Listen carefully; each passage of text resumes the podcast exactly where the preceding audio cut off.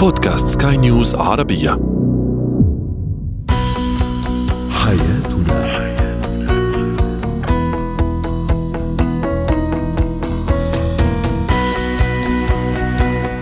مستمعينا الكرام أهلا بكم إلى برنامج حياتنا برنامجكم اليومي الذي يعنى بشؤون الأسرة وباقي الشؤون الحياتية الأخرى والذي يمكنكم الاستماع إليه عبر منصة البودكاست لسكاي نيوز عربية. معي أنا طيبة حميد. نتحدث اليوم عن الفتور العاطفي بين الشريكين ونسلط الضوء على اكتئاب الوالدين وتأثيره على الأبناء وأيضا لماذا يتعرض المتعافون من كورونا للوصمة الاجتماعي أو التنمر.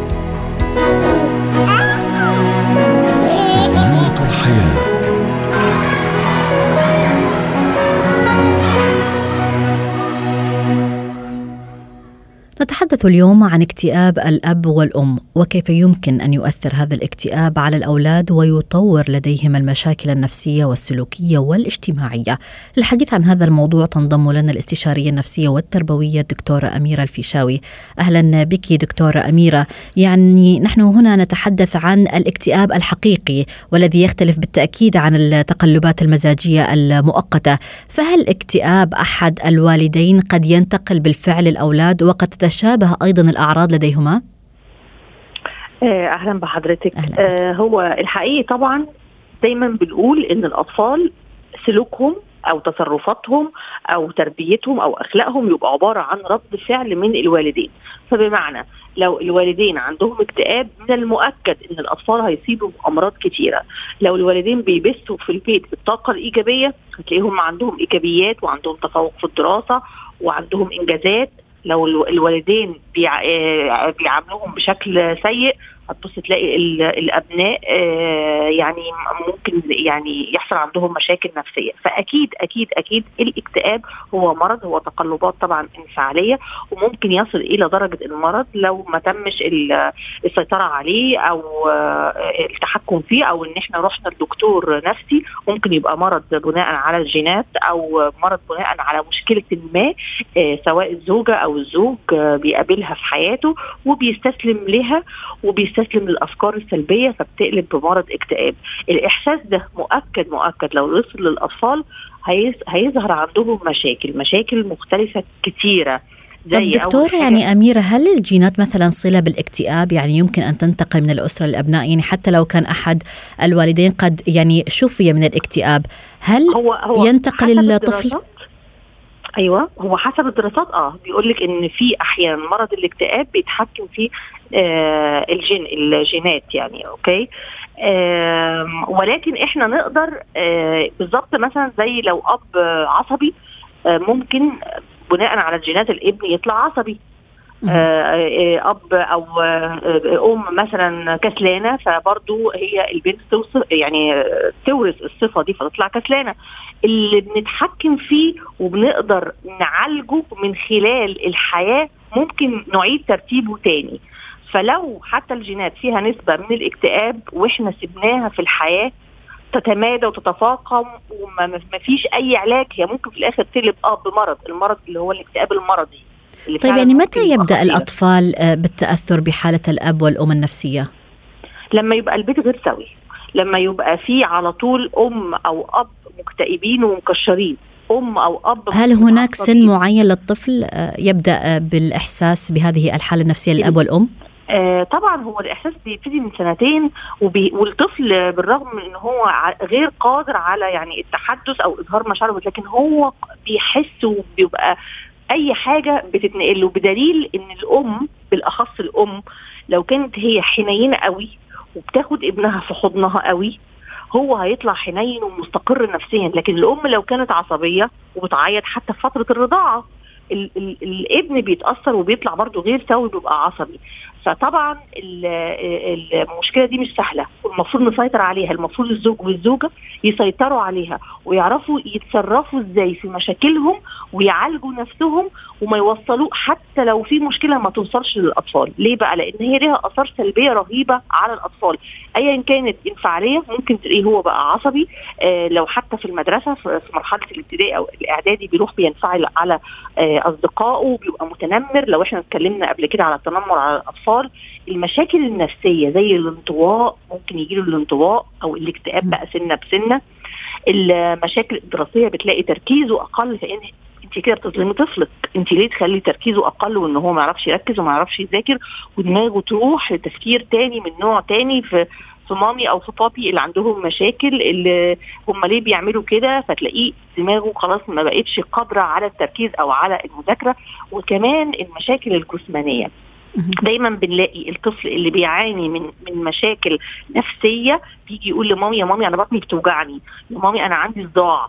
ليه؟ لأن دي بتبقى الجثمان هو تعبير عن النفس وطبعا المناعة. زي ال... ال... إحنا بنقول دلوقتي في الفترة بالأخص اللي إحنا فيها دلوقتي المناعة بتقوي الجسم. فانت بتضعفي نفسية ابنك فمناعته بتضعف وهو الطفل أصلا بيبقى عرضة للأمراض فبيجي له أمراض. فكل ده طبعا بيترتب على آه الابن بدليل إن لما بتبقى في أسرة سوية أسرة سوية هو السواء إن ما يبقاش أنا مش عندي مشاكل. طب دكتور أميرة يعني دعيني أعود للنقطة التي ذكرتها قبل قليل عن الأم. يعني عادة عند تشخيص الاكتئاب لدى المراهقين تلام الأم ويتم إهمال دور الأب.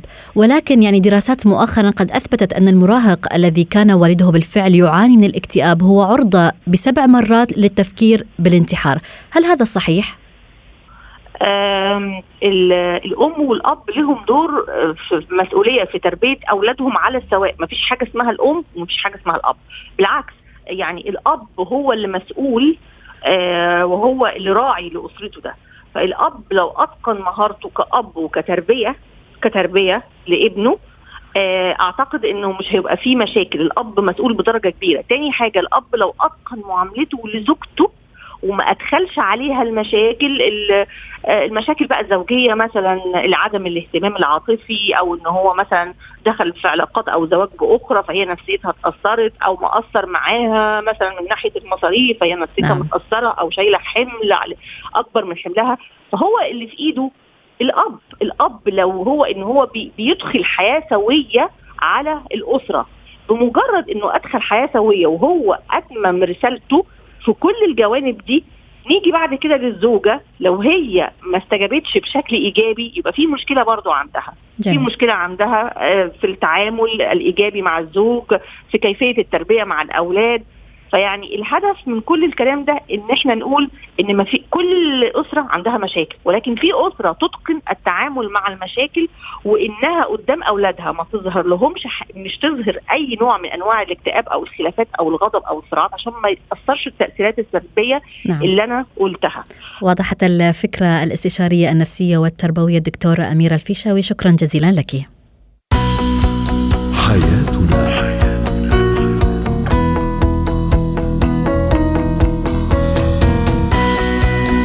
نجدد التحية والترحاب بكم مستمعينا الكرام. أنتم تستمعون لبرنامج حياتنا برنامجكم اليومي الذي يعنى بشؤون الأسرة وباقي الشؤون الحياتية الأخرى والذي يمكنكم الاستماع إليه عبر منصة البودكاست لسكاي نيوز عربية. معي أنا طيبة حميد. هو وهي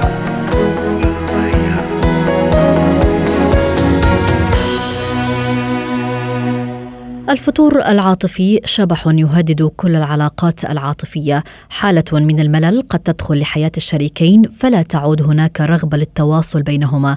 لتبدأ بعدها الأخطاء والمشاعر السلبية بالسيطرة على تصرفاتهما. فكيف اذا يمكن تجاوز هذا الفتور في العلاقات العاطفية؟ للحديث عن هذا الموضوع تنضم لنا الاختصاصية النفسية والأسرية لما الصفدي. أهلا بك أستاذة لما يعني دعينا نعرف في البداية الفتور العاطفي وما هي أبرز علامات هذا الفتور؟ أكيد الفتور العاطفي هو اختلاف في التطلعات نحو تفاصيل الحياة. قد عاطفيا يعني أحيانا في بعض الناس عندهم مبدأ بأن الفتور العاطفي هو فقط مشاعر وأحاسيس. لا هي كل ما يهم الشريك لأنه أنا إذا أحببت شخص اهتممت بما كل ما يحيط به. يعني تفاصيل حياته أصبحت مهمة بالنسبة إلي نتيجة حبي له. ولكن أحيانا عندما يكون هناك فتور في المشاعر ما بين الأشخاص حتى الاهتمامات الأحلام الطموحات الأحاديث اليومية تكون جدا مقتضبة وبسيطة. هون فينا نميز بين نوعين. في فتور عاطفي هو يكون من أول يوم زواج. يعني أحيانا هذا يحدث تقريبا في الزواج التقليدي اللي ما بيكون في ناتج عن مشاعر. فبالتالي يتم لقاء شخصين. هم يعني بحياة زوجية ولكن دون وجود المشاعر. فإما يعتادوا على هذه الفكرة. في نوع ثاني من الفتور العاطفي الذي يأتي بعد سنوات من توهج العاطفة من علاقة حب قوية فجأة تمر هذه العلاقة بما يسمى مرحلة هدنة عاطفية. فتصبح العلاقة باردة وأكيد لديها عدة أسباب نتحدث عنها. يعني هل الأزمات الاجتماعية أو الاقتصادية قد تؤدي لهذا الفتور؟ الأزمات الاجتماعية والاقتصادية هي العامل الذي يكشف نوعية العلاقات. العلاقة الحقيقية اللي هي نابعة عن حب صادق حتى في الأزمات تكون أحيانا أقوى. يعني يكون الشريكان يد واحدة. بالعكس تصبح المشاعر. الآن أعطيك مثال. الآن خوفنا على بعضنا خلال أنه في وباء منتشر. يكشف طبيعة العلاقة ما بين الأشخاص. يعني فبالتالي في أشخاص بيكونوا لا مبالين بالآخرين، لا مبالين لا يسألوا عنهم، لا يطمئنوا، في أشخاص برأيهم بأنه هو خوفهم على الآخرين يظهر الآن في هذه المحنة. ولكن آه، في عدة أسباب قد تودي بالعلاقة اللي أنه هي تصير بحالة هذا الفتور وهي أكيد متنوعة وعديدة. يمكن اليوم في كثير ناس حتى موجودين في بيوتهم عم بيعانوا حاليا من ما يسمى بالفتور العاطفي هو ليس فتور عاطفي لازم نفرق لكل شخص بيسمعنا. هو حالة توتر يعني في فرق. أحيانا بتبرز المشاعر الاهتمامات نتيجة الخوف والترقب. لكن الملل والروتين ألا يولد هذا الملل والروتين الفتور العاطفي؟ طبعا قد يولد الملل والروتين الفتور العاطفي إذا كانت العلاقة من الأساس ليست بالمستوى المطلوب، يعني حتى الملل والروتين لو كان في أشخاص يمكن بيمتلكوا مقومات أكثر على التوافق فيما بينهم، كان يومهم ممتلئ بأشياء نشاطات حتى أبسط الأشياء خلال النهار، إعداد طبخة معينة ممكن يخليهم سعداء والملل يكون ملل تقليدي كلنا عم نعاني منه.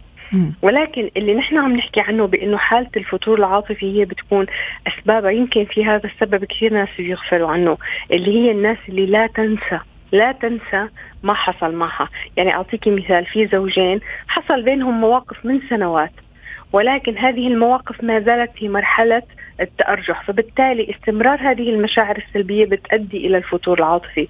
بتحس الزوجة بأنه هي انكسرت هي انهانت هي لم يعني تحصل على كرامتها بعدة مواقف. تدريجيا يبدأ البعد ما بين الأزواج. أكيد يعني نستطيع هنا أن نقول أن ترسبات الماضي قد تكون طبعا. السبب الرئيس لهذا الفتور جدا. هو من أهم الأسباب برود العواطف سببين. الانشغال في السابق كنا ننشغل في يوم كامل فبالتالي ساعات اللقاء جدا قليلة ما بين الأزواج. ممكن أن تكون ساعتين في النهار وممكن أقل مع وجود العمل والأطفال فبالتالي يبدأ الفتور. النقطة الثانية هي العلاقات التراكمية السلبية. في تراكمات من الماضي لم يحل ونحن نقول خلاص يعني نطوي صفحة وإلى الأمام ولكن هذه الصفحة لم تطوى. طيب يعني هذا يقودني إلى يعني فترة الخطوبة، هل من الطبيعي أن يحدث فتور عاطفي آه، لدى المخطوبين؟ إذا كانت آه هذا الفتور يكون خصوصا كما تحدثنا في الزواج التقليدي.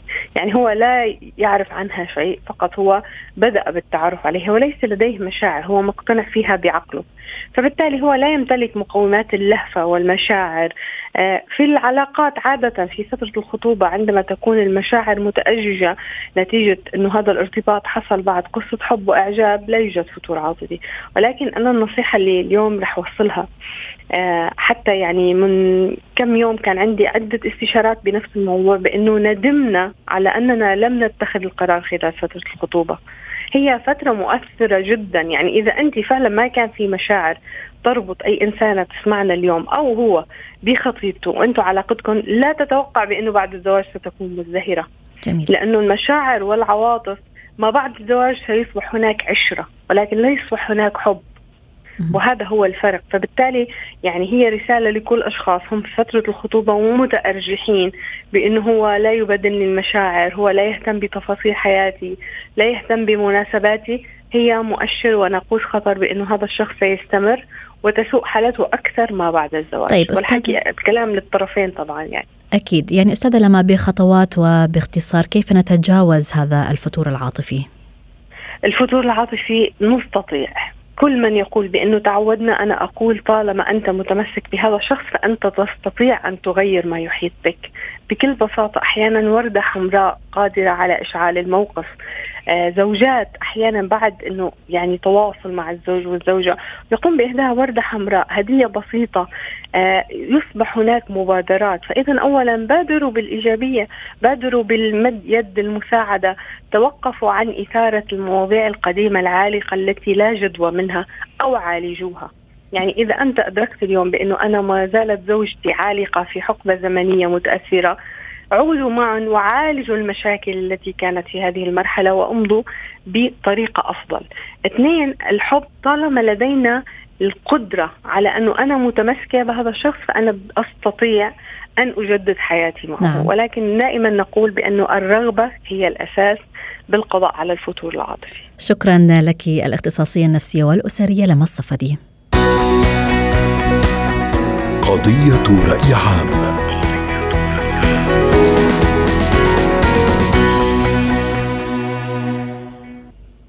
يواجه المتعافون من فيروس كورونا بعض الضغوط النفسية رغم شفائهم من هذا الوباء حيث ينفر الكثيرون من حولهم عند العلم عند العلم بإصابتهم بهذا الفيروس أو حتى شفائهم منه. هذا الأمر لم يصل فقط للمتعافين وإنما أيضا للمتوفيين أيضا. لذلك نتحدث اليوم عن أسباب مواجهة المتعافين من كورونا لما يسمى بالوصم الاجتماعي أو التنمر من المحيطين وكيف يمكنهم تجاوز هذه تنضم إلي استشارية علم النفس الاجتماعي ميسون حمزة. أهلا بك استاذه ميسون. يعني في البداية لماذا يعني آه هذا الوصم الاجتماعي يلاحق المصابون اليوم بفيروس كورونا؟ أهلا وسهلا بك وبالجميع. حقيقة موضوع الوصم الاجتماعي هو موضوع ليس حديث بالمعنى إنه الناس تخاف أو تقوم بإصدار ردود أفعال تجاه الأشخاص الذين يعانون من أمراض معينة أو من اختلافات معينة. لكنه عدواني وعنيف الآن في ظل موسم هذه الجائحة التي تصيب البشرية لأنه هنالك عامل الخوف وتحديدا الخوف من الموت. نحن عندما نتكلم عن الوصم الاجتماعي نتكلم عن الصاق بعض الصفات بأشخاص يشكلون خطر علينا ووجودهم يشكل الخطر. لكن هذا الخطر يصبح الآن معنوي أي يطال لا ف... يعني لا يطال فقط الشخص المريض بذاته وهذا يؤثر سلبا على هذا الشخص وخصوصا الذين قد تعافوا من الإصابة بهذا الفيروس وإنما أيضا يلاحق أفراد العائلة والمحيطين. لأنه الإنسان لديه دافع داخلي ولا واعي بأنه يريد أن يحمي نفسه. وهذه الحماية تؤدي به إلى إصدار ردود أفعال عدوانية تجاه رفض الآخر أو حماية نفسه من الآخر. فتصدر على أشكال آه، سلوكات آه، عدائيه منها آه، تعنيف لفظي أو معنوي أو إلحاق بعض الوصمات بهؤلاء الأشخاص كالرفض بأن نتفاعل معهم أو أن نصدر حولهم شائعات أيضا مختلفة لكن يعني لماذا يصدر هذا الفعل أستاذة ميسون من قبل البعض يعني لماذا كيف أو كيف نصنف آه هذا نعم. التنمر نعم. آه اتجاه هؤلاء الأشخاص نعم يصدر اولا يجب أن ننبه الجميع أنه لا يصدر عن كل الناس. يعني يصدر تصدر هذه الوصمة عن أشخاص محددين هم هم بالأساس يعانون من شعور التهديد الداخلي. وهم يعني لديهم قابلية أكثر من غيرهم لإصدار هذه التعنيفات تجاه الآخر أو السلوك العدواني تجاه الآخر. هم أشخاص فعليا عانوا في طفولتهم وفي مراحل تنشئتهم ومراحل العمر المختلفة من شعور بالتهديد لذلك أول من يطالهم هذا الخوف من انتشار هذه العدوى. ولكن هنالك أمر آخر أريد أن أسلط الضوء حوله أنه هنالك بالإضافة إلى العدوى البيولوجية نحن دائما نتكلم في علم النفس عن ما آه، نطلق عليه اسم العدوى الاجتماعية للصيد. يعني أشهر أو أسهل ما يمكن أن ينتشر بين الناس هو تلك العدوى الاجتماعية التي تقنع الناس. ونحن عندما نريد أن نحمي أنفسنا دائما نعول على الأمور التي نستقيها من المجتمع، يعني إذا كان المجتمع يقوم بهذا السلوك لحماية نفسه فنتماشى مع المجتمع ونتماهى مع هذه الصورة، لأن لكي أكون مقبول اجتماعيا، ولكن هو يصدر فعليا عند الأشخاص الذين يعانون من شعور الرفض أو التهديد الداخلي أو الأشخاص الذين يقلقون فعليا على أنفسهم وهذا القلق يتحول إلى وسواس. لديهم. ولكن آثاره الاجتماعية هي التي يجب أن نتوقف عندها. يعني يعني كيف يمكن كيف اليوم أن نسيطر على موجات الوصمة نعم. الاجتماعي التي تلاحق المتعافي من كورونا؟ التوعية. التوعية التوعية الاجتماعية التي يجب الآن أن تأخذ حيز ومجرى عبر كل مواقع آه، يعني آه، عبر وسائل الإعلام وداخل الأسر وفي كافة المنصات الاجتماعية. لأنه اليوم نحن نعلم أننا جميعنا نبقى في هذا الحجر ونلهث وراء وسائل الإعلام وما يصدر عن وسائل الإعلام، لذلك نحن نعول على برامج التوعية، وأيضا على مسألة البحث الجدي والفعلي عن العدوى وانتقال العدوى وأيضا أن ننظر بعين العطف إلى هؤلاء الذين يصابون فعليا بهذا الفيروس لأنهم يحتاجون منا المساندة الاجتماعية، يعني يحتاجون أن نساندهم اجتماعيا ونفسيا وأيضا آه، آه، طبيا. آه، هذا الشخص الذي أصيب بهذه الجائحة وأصيب بهذا المرض قد عانى وقد واجه الكثير من الآلام الجسدية والنفسية والشعور بالضيق والشعور أيضا بالرفض، لذلك علينا أن نكون واعين خصوصا مع الناشئة، يعني مع أطفالنا وأولادنا إنه من يصاب بالعدوى هو ليس إنسان يجب الابتعاد عنه، نحن نبتعد عنه جسديا صحيح وهذا ضروري لأن هنالك مسؤولية اجتماعية، ولكن يجب أن نسانده نفسيا. ولكن يعني أستاذة ميسون هل التوعية التي يقوم بها المجتمع عن طريق مثلا آه، وسائل الإعلام أو مواقع التواصل الاجتماعي هي كافية لإقناع من يقوم بهذا الفعل أو من يقوم بالتنمر؟ كافية لإقناعه لل للوقوف في الوقت أو الراهن في الوقت الراهن نعم لأنه نحن نعلم أنه في التباعد الاجتماعي وتباعد المسافات الآن في في ظل الحجر المنزلي نحن ليس لدينا من سبيل إلا التكنولوجيا والإعلام. ولكن لاحقا عندما تستتب الأمور امامنا ورش من العمل كثيرة جدا.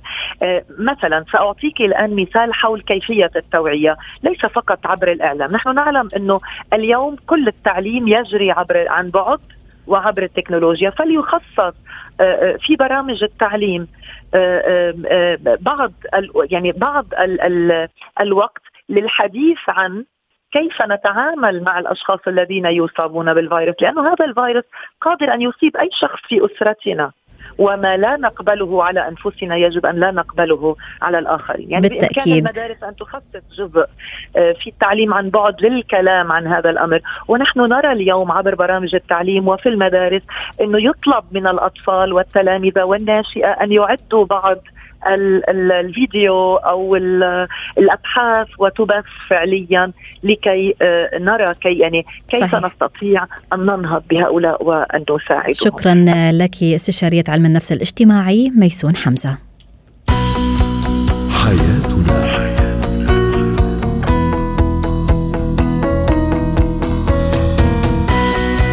نصل وإياكم مستمعينا الكرام إلى نهاية برنامج حياتنا. غدا حلقة جديدة.